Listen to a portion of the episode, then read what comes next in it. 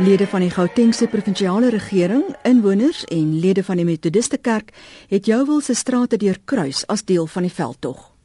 Jouwel is die tuiste van baie burgers van Afrika lande. Hoewel die gebied tydens 2008 'n teiken was vir xenofobiese aanvalle, is dit hierdie keer kalm en rustig. Makura sê die aanvalle is 'n verleentheid vir Suid-Afrika. We dip our heads in shame. We dip our heads in shame because this violence is bringing the name of Nelson Mandela to shame. But we will not just condemn this. We will not just have one march. We will not just have one action. We are going to take rolling mass action against xenophobia until our country is brought to peace. Die Gautengse premier het migrante versoek om nie terug te beklei nie. Don't take the law in your own hands. Don't try and revenge. Don't try and fight back. Join us in this peaceful action.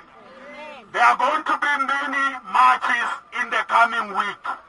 Join every action against xenophobia. Dominee Waklo het gevra vir 'n goddelike ingryping en daarna 'n verklaring namens die Methodiste Kerk van Suidelike Afrika gelees. Daarin word versoek dat die xenofobiese aanvalle onmiddellik beëindig moet word. We appeal to all people in leadership and influence to refrain from using inflammatory language in a volatile situation. Our country is burning and all hands need to be on deck in putting out the fire.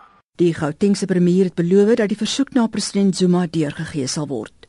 Die verslag van Tsepo Pagane, Wilna Matthee in Johannesburg.